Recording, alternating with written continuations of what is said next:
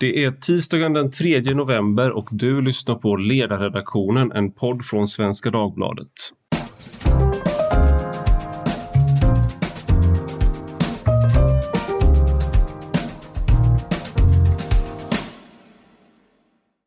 Jag heter Ivar Arpi och idag ska vi prata om terrorism. För det har ju skett ett nytt hemskt terrordåd i Wien igår och eh, i nuläget så är det lite svårt att veta hur omfattande det är, hur många som är involverade men var, av allt att döma och enligt eh, österrikiska regeringen så är det ett islamistiskt terrordåd och en av gärningsmännen har uttryckt sympatier för Islamiska staten. Um, och det här kommer ju bara någon vecka efter att det var terrordåd i Frankrike och det har varit två terrordåd på väldigt kort tid i Frankrike. Så med mig för att diskutera det här har jag Magnus Ranstorp som är terrorforskare vid Försvarshögskolan. Välkommen! Och med oss idag har vi också Sofie Lövenmark som eh, jobbar för Demokraterna eh, i Göteborg som tjänsteman och även är knuten till stiftelsen Doku som granskar jihadismen. Välkommen! Tack! Jag tänkte vi skulle börja med dig Magnus för det är när, när, vi pratade om, eh, när man pratade om eh, terrordåden i Frankrike så var det ju många som pratade om det här paketet som Emmanuel Macron har lagt fram eh, i kampen mot islamism och även då eh, Charlie Hebdo, karikatyrerna eh, där och liksom den spe speciella sekularismen som finns i Frankrike. Alltså att man, man pratade liksom om varför drabbade just Frankrike och då hade man många, liksom, eh, kanske inte, vad ska man säga, man, man la inte skulden på Frankrike kanske, men det fanns en, eh, en sån implikation i alla fall. Men här med att, att det sker just i Wien, kan du se någon förklaring liksom, varför det sker just där, nu? Alltså det vet ju egentligen bara gärningspersonerna. Om det, jag tror att det, det kan vara fler än en. Uh, den här personen som som eh, uh, var gärningspersonen, uh, eh, han hade suttit i fängelse. Uh, han, han blev dömd för att ha försökt åka ner till IS.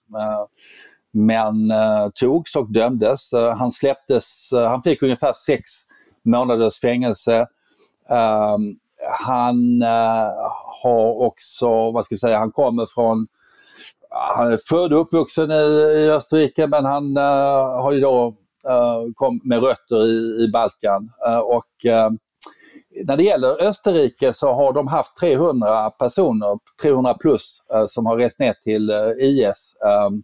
Han var en av de 90 som försökte åka.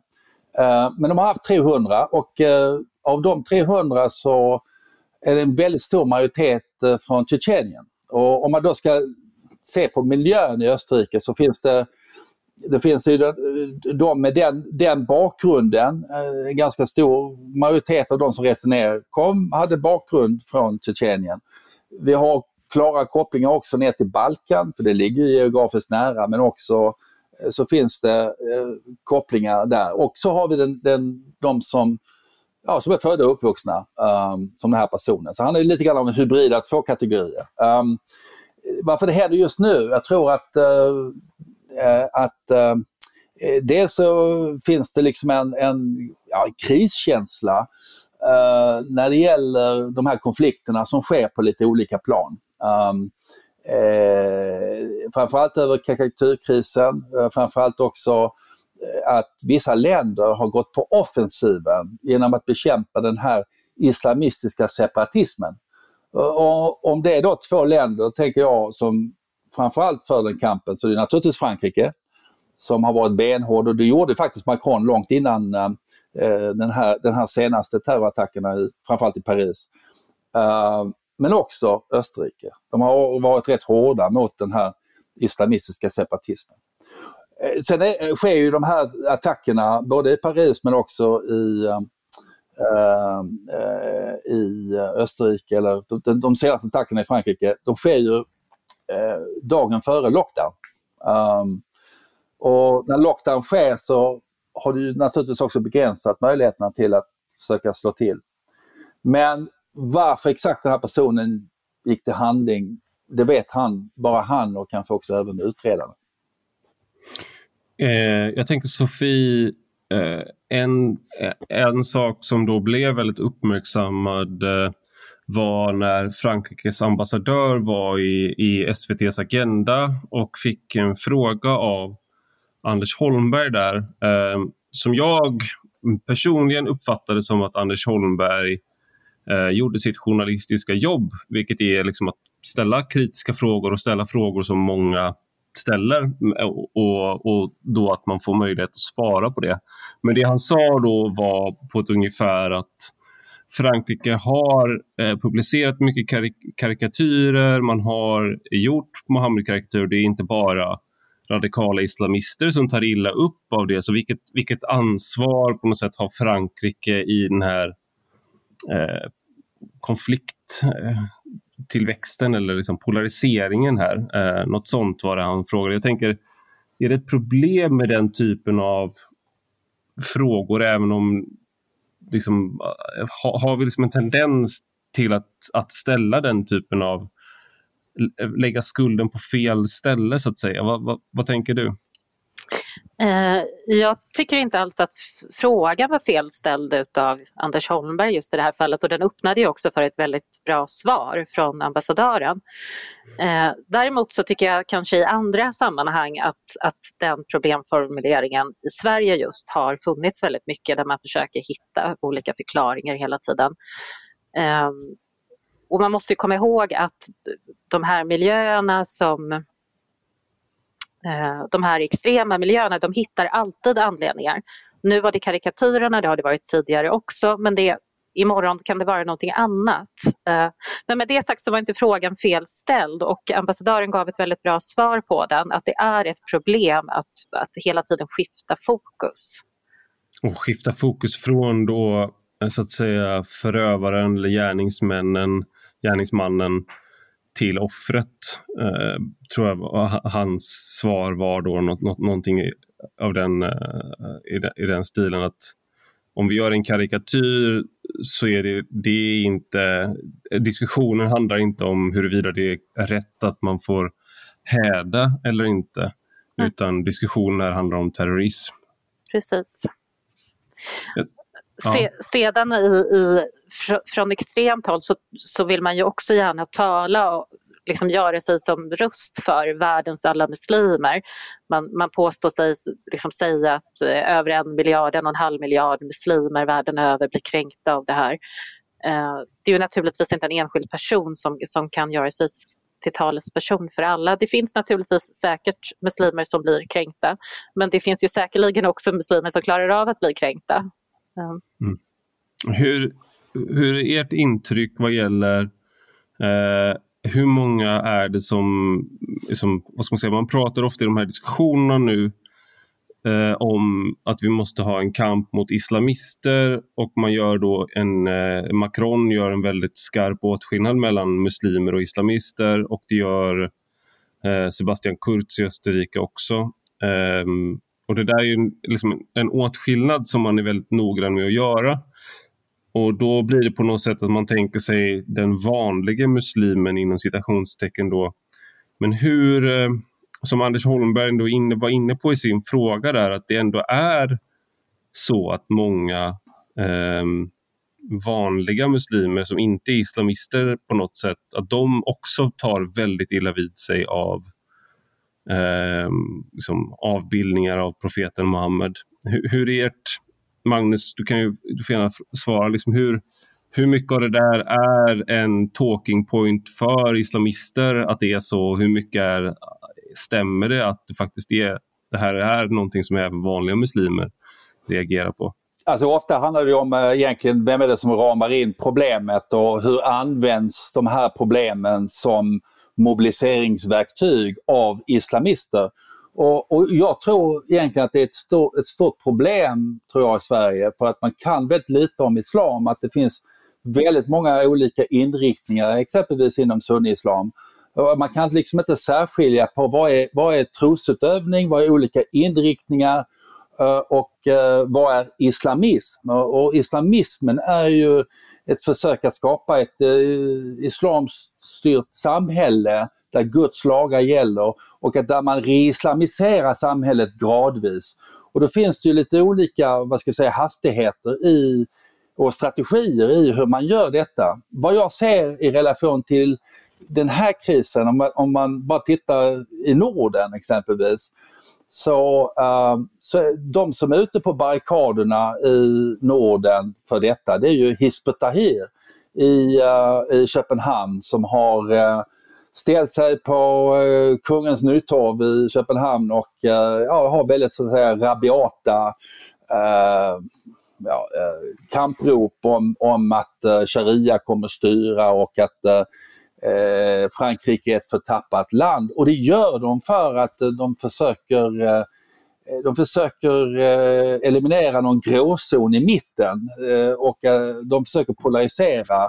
De försöker skapa reaktioner så att det gör det lättare för, för eh, dem att kunna rekrytera de som kanske ja, funderar kanske på att, eh, eller, eller bli utsatta för rasism eller muslimhat eh, som, som, på grund av att det blir en sån hetsk stämning.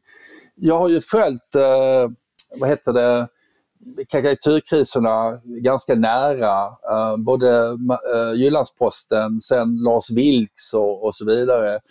Om man tar bara de incidenterna så vet vi att det, där fanns det ju dels lokal, på lokalt håll så fanns det de som ville piska upp stämningarna och rama in detta och mobilisera och polisanmäla och, och, och verkligen skapa eh, en stor grej. Medan in, på internationell nivå fanns det också, då hade du Karadawi och Muslimska brödraskapet som eh, försökte koordinera de här aktionerna både i Danmark men också i Sverige med lokala kontakter.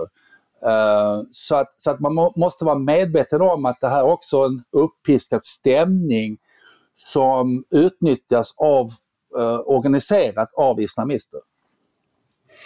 Hur ser det ut, Sofie, du som eh, jobbat mycket på stiftelsen Doku.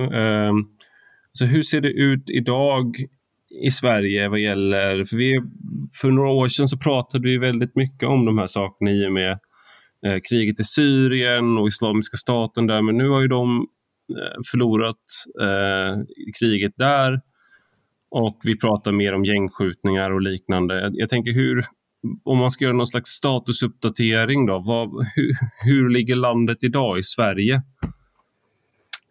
Eh, Sverige och i synnerhet en, en del städer i Sverige, har, och där finns Göteborg med, har en väldigt stark islamistisk miljö. Det har Göteborg haft sedan länge och den är fortsatt väldigt stark skulle jag vilja hävda.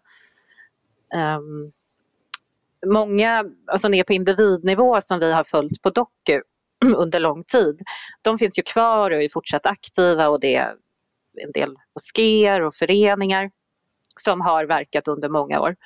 Eh, däremot tycker jag det är lite svårt att följa idag eh, när eh, våra segregerade områden eh, har, det har ju växt sig starkare och eh, det har kommit väldigt många eh, män från, från Mellanöstern och från länder i Afrika under många år som inte riktigt kommer in i samhället. Och det finns ju de som står och väntar på att, på att rekrytera de här in i, och det behöver ju inte bara vara liksom direkt våldsbejakande grupperingar utan ändå starkt islamistiska. Jag, jag, jag tror att det är en växande problematik, i alla fall här i Göteborg, det är min bild. Vad säger du Magnus? Hur, eh, för vi har ju, jag kan själv känna mig lite skyldig till det att man är en del i en eh, mediebransch som springer på en boll i taget och nu har vi sprungit på gäng, gängbrottslighetsbollen och, och eh, liksom efter terrordådet, runt terrordådet där eh, på Drottninggatan 2017 så var alla fokuserade på jihadismen och nu så kommer vi antagligen ha en period där vi fokuserar väldigt mycket på det igen. Så vad har vi liksom, vad behöver man veta nu som vi har, inte, som vi har glömt av eller inte fokuserat på den senaste tiden? Ja, jag kommer faktiskt eh, precis ifrån, eh, från ifrån Göteborg förra veckan och var ute i, i de, särskilt, de särskilt utsatta områdena i eh, nordöstra Göteborg. Och, och uh, jag får väl säga att uh, när det gäller de våldsbejakande islamistiska extremismen så är den ganska stabil. Det är samma aktörer, det är samma entreprenörer, det är de som alltså det här är ju ekosystem i varje, i varje uh, Eh, del eh, där de opererar. Det ju, de opererar ju lokalt men kanske med globala kopplingar. Eh, när det gäller islamismen i sig så, så, så får jag säga att uh, det är precis som Sofie uh, sa tidigare att uh, jag tror de flesta kanske inte reflekterar väldigt mycket om när de går och ska be och vanliga muslimer.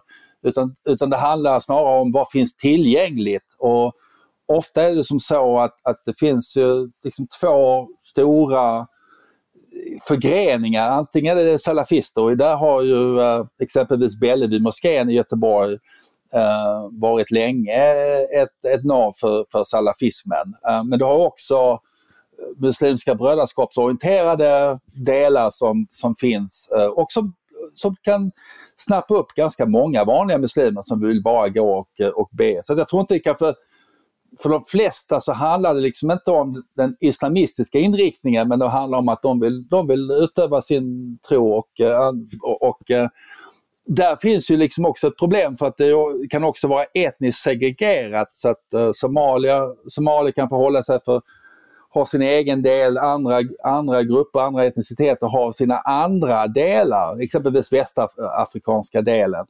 Uh, och att få en översikt över det um, och hur det påverkar är ju, är ju naturligtvis en utmaning.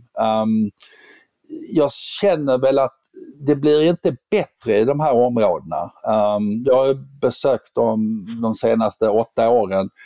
Uh, det blir inte bättre för att um, egentligen har du islamister och sen har du gängkriminella och de håller befolkningen som social gisslan. Det vill säga man måste förhålla sig till de här olika Eh, delarna, vanligt folk. Eh, och Det är ju det som är den stora tragiken.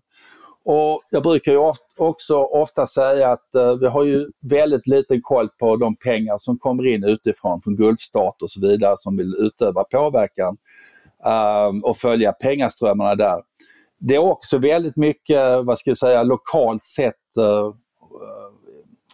så ser vi exempelvis till och med våldsbejakande islamistiska extremister som, som har inte bara drivit skolor och, men också nu har de flyttat ner några våningar så nu är det stora att de kör dagbarnvårdverksamhet. Så vi har eh, IS eh, återvändare eller eh, fruar till återvändare som, som driver sån verksamhet där och det är jättesvårt att stoppa idag. Det där, det där är ju som eh, egentligen har de har identifierat eh, samma sak som eh, liberaler och socialdemokrater där då, att man måste börja tidigt med integrationen för att folk ska få rätt värdegrund. Det är bara det att för dem så betyder det någonting ganska annorlunda än vad det gör för eh, Socialdemokraterna och Liberalerna som vill ha försk obligatorisk förskola från tidig ålder. Alltså de försöker inkapsla uh, individer så tidigt som möjligt. Uh, och det gör de antingen genom att skapa skolsystem eh, eller ja, till och med dagbarnvårdverksamhet, förskolor, eh, skolor, eh, de har koranskolor på helgerna. Och, och, och, Problemet är ju att det sekulära samhället, omgärdande samhället, de, de möter aldrig de här, liksom, de får inte stöta blöta, de får inte bli liksom konfronterade med, med andra perspektiv, eh, sekulära perspektiv eh, och så vidare. Så det blir ju ett problem för att de blir helt inkapslade. När det, var, när det gäller Frankrike och Macron, han, bland annat några saker som han pratade om när han, han höll då ett tal den 2 oktober och det var innan läraren eh, eh, Samuel Paty mördades av en islamist. Och han hade ju visat karikatyrer som en del i sin undervisning, då, Muhammed-karikatyrer. Och eh, mm. han hade sagt att den som inte vill se kan få gå ut innan och sådär. Men, och sen var det eh, det här ehm, eh, terrordådet i Nice också eh, efter det. Men eh, innan det så höll Macron ett tal där han sa att islam är en religion som genomgår en kris över hela världen idag eh, och syftade då på radikal islamism. Och några av de sakerna som eh, som, han ville, som de ville skjuta in sig på i Frankrike, som de vill skjuta in sig på, det är just att man vill skilja vanliga muslimer från islamism och då vill man hålla eh, koll på Eh, till exempel vem som utbildar imamer, vem som betalar imamer, att man inte ska kunna just du ska inte ha separata skolor för, eh, med, där religionen blir en viktig del. Eh, och eh, även i, även i eh, eh Österrike som vi var inne på så har man gjort en del eh, åtgärder, till exempel att man har förbjudit barn upp till 14 år att ha, Eh, att ha slöja och man har förbjudit ansiktsslöjor.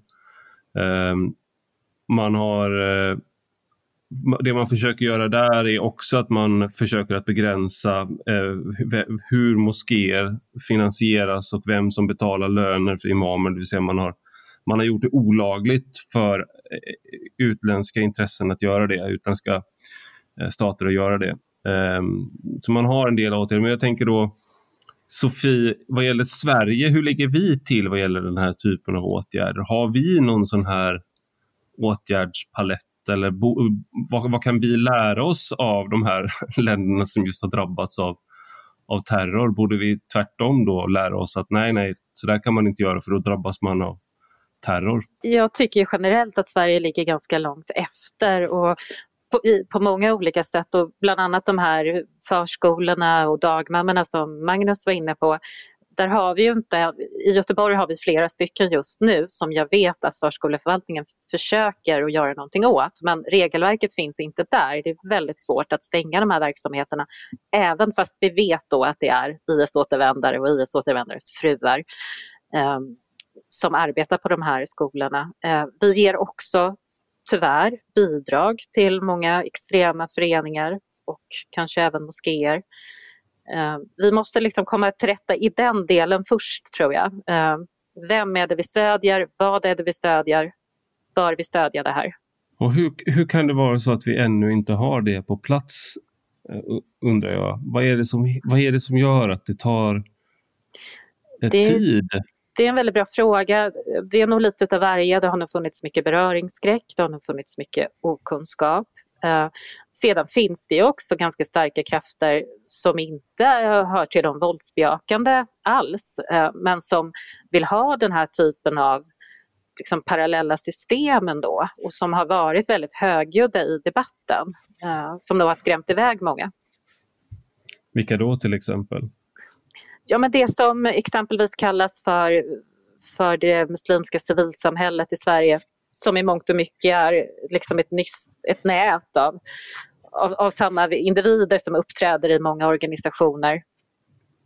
Eh, och som har fått liksom bli talesperson då för, för svenska muslimer, fast de inte alls eh, representerar alla muslimer naturligtvis. Eh, och där har media också, tycker jag tyvärr, under tidigare år eh, misslyckats. Man har satt samma personer i sofforna hela tiden och som har fått liksom, bli talespersoner för en, för en mycket större grupp. Jag tänker, eh, en annan sån här sak som jag, eh, jag läste på Expressens ledarsida, en jämförelse som jag tyckte var ganska bra. Det var ju att eh, det är ju inte i Kina som får den här kritiken. Eh, men, men Kina har ju en muslimsk minoritetsbefolkning eh, uigers, säger man på engelska, uigurer på, på svenska.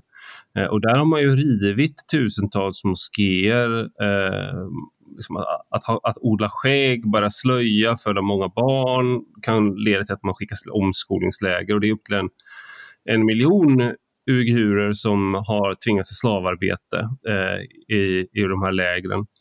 Eh, så man skulle kunna tänka sig att det fanns en proteströrelse i muslimska länder mot Kina just. Eh, men det finns inte. Det är väldigt tyst. Tvärtom så har man, odlar man goda relationer.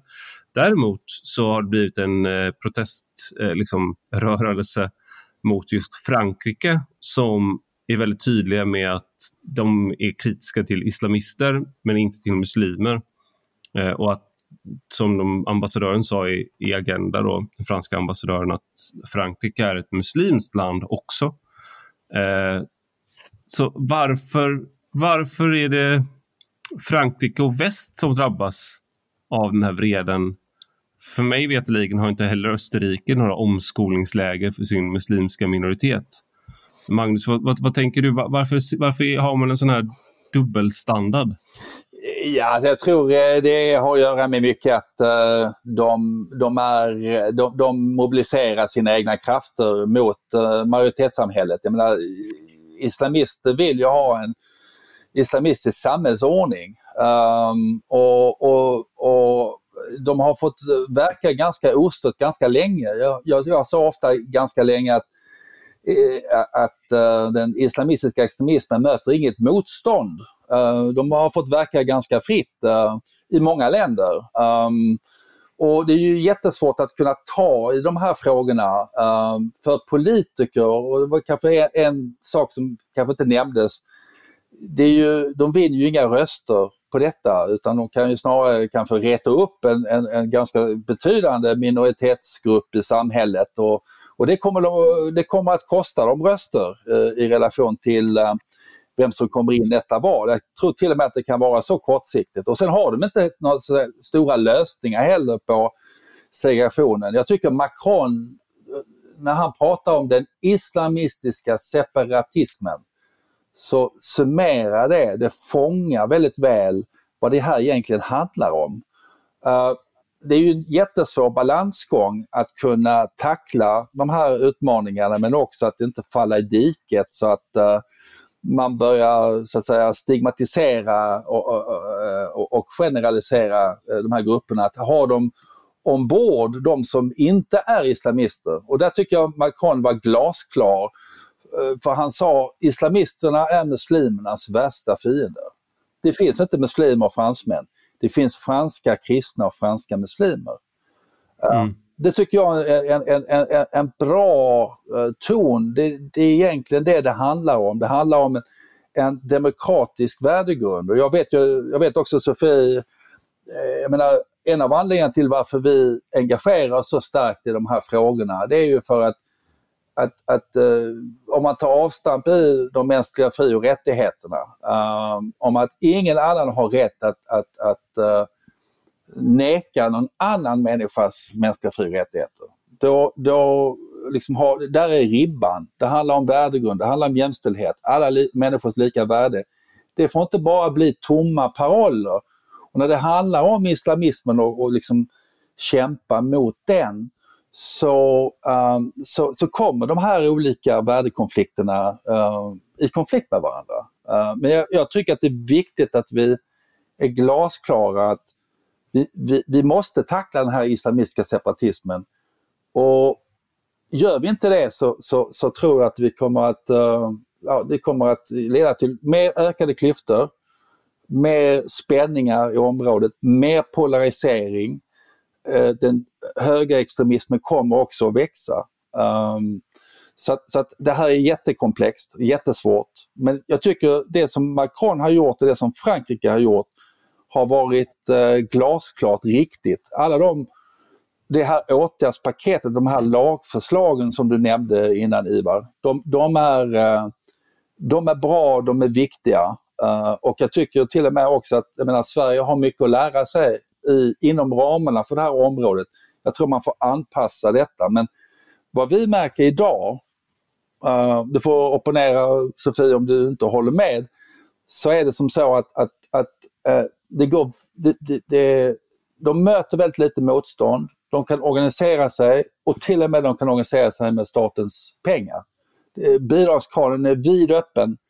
Uh, eh, och, uh, Hur är det möjligt, bara tänker jag, Sofie? Du, för du, jag vet att när du började som eh, skribent, du, då hade du kartlade du just det här, de här bidragskranarna och, och vad de gick till. Har du sett har det skett någon förändring på det där området, någon förbättring vad du har sett? Att man har eh, blivit bättre på att eh, ta tillbaka eh, finansiering till organisationer som eh, verkar för islamism eller för extrema åsikter? Den granskningen jag gjorde då utav MUCF fick ju väldigt stort eh, genomslag. Och jag tror att kanske just den myndigheten har tagit till sig något. Men, men i det stora hela säger jag precis som Magnus sa att kranen är vidöppen och det är väldigt svårt att, eh, att liksom ta bidragen från de här eh, grupperna och det är ingen eh, det görs ingen noggrann genomlysning när de beviljas från första början och det är ett enormt problem skulle jag vilja säga. Eh, här i Göteborg nu så, så ehm, har vi tittat närmare på Ibn Rushd. Eh, och när man tittar på deras underorganisationer då så är det ju bland annat Bellevuemoskén som Magnus pratade om tidigare och eh, även andra väldigt tveksamma organisationer som då under Ibn Rushd paraply eh, får skattemedel. Alltså den typen av organisationer som inte skulle få om de sökte i sitt eget namn. Grejen är ju också den att, att uh, Eh, det är ju ingen på kommunerna egentligen som har eh, eh erfarenhet, som har kanske kunskap eller, eh, eller mandat eller resurs till att kunna, kunna verkligen genomlysa de här organisationerna, vad de står för, så länge de skickar in bara lite stadgar och lite, lite, lite underlag. Uh, och det är definitivt ingen som följer upp verksamheten, vilket jag finner helt obegripligt att man inte, att man inte har en uh, utvärdering på varje projekt, på varje skattekrona som, som, som, eh, ja, som spenderas på det här. Och det är för mig ganska obegripligt att vi är ganska noga med att hålla ordning och reda på alla pengar och det är väldiga krav, väldigt strikt. Men det gäller till civilsamhället um, så finns det väldigt få, lite vilja till att eh, granska dem noggrant och så vidare. Och det har, det har de här krafterna, både organiserad brottslighet men också islamismen, de har utnyttjat detta maximalt. Jag tänker, eh, när man har om man ska ta i med hårdhandskarna mot islamism och sådär, att det var ju bland annat eh, Salahuddin Barakat som är imam i Malmö om jag inte har fel och eh, har tagit emot pris från, eh, om han själv hade tagit emot pris från Malmö stad eller om det var på grund av hans arbete som någon annan fick pris för mänskliga rättigheter. Jag kommer inte ihåg men förra året. Eh, han, var ju, han anklagade Frankrike i de grövsta ordalagen för det här talet in, som hölls då innan terrordåden eh, av Macron där han just satte hård press på islamism. Och eh, mig veterligen så har inte Salahuddin Barakat, han har inte kommit ut som någon extremist. Han, är, han skulle inte kalla sig själv islamist säkert. Eh, men, men just den här skarpa reaktionen då som har kommit mot Frankrike och, och sådär Finns det då en risk att man provocerar fram eh, mer eh, islamism när syftet är det motsatta om man gör de här eh, försöker ta pengar från om man eh, eh, stryper utländsk finansiering, eh, man försöker att granska liksom vad de har för innehåll, att, att, att man just krymper den där gråzonen, att man, att man blir deras redskap så att säga. Vad tänker ni om det? Sofie, du, kan väl, du får gärna börja. Alltså på kort sikt så kommer det ju naturligtvis användas som ett eh, redskap i propaganda och så vidare. Eh, det ger dem kortsiktigt rätt så att säga. Titta vad de gör mot oss, de vill inte ha oss här och så vidare. Eh, men, men långsiktigt så har jag svårt att se någon annan väg att gå om vi ska komma till rätta med de här problemen. Vad säger du Magnus, är det, här någon, är det en risk med att liksom, så att säga sätta hårt mot hårt? Nej, jag tror att eh, utan pengar, eh, och den finansiella delen är ju helt avgörande för att de ska kunna växa och eh, kunna, liksom, deras tentakler ska kunna gå än, ännu djupare ner i samhällskroppen. Det handlar inte om att, de inte, att eh, man inte ska ge pengar, det är en politisk frågeställning om man ska göra det överhuvudtaget till islamistiska rörelser. Men om man säger att man ska ge pengar till olika delar så måste man ju i alla fall veta vad man gör och, och, och, och veta vad man har att göra med och vad man får för pengarna och hur det stärker demokratin. Men jag tror vi har liksom inte tvingats till att ha den här samhällsdebatten och det kan ju naturligtvis skapa reaktioner på kort sikt. Så jag håller med Sofie äh, att äh, det är, men det är helt avgörande på längre sikt att vi kommer till rätta med detta. Och, och problemet är idag att, att den här islamismen är också inbäddad i de större samhällsutmaningarna som segregation, integration uh, och, och, alla de här problemen som kommer med, uh, med uh, de här socialt utsatta områdena. Stort tack för att ni var med idag i ledarredaktionen Sofie Lövenmark och Magnus Ranstorp. Tack! Tack! Och stort tack till dig som har lyssnat. Och har du några synpunkter eller frågor får du gärna mejla oss på ledarsidan svd.se. Tack och hej!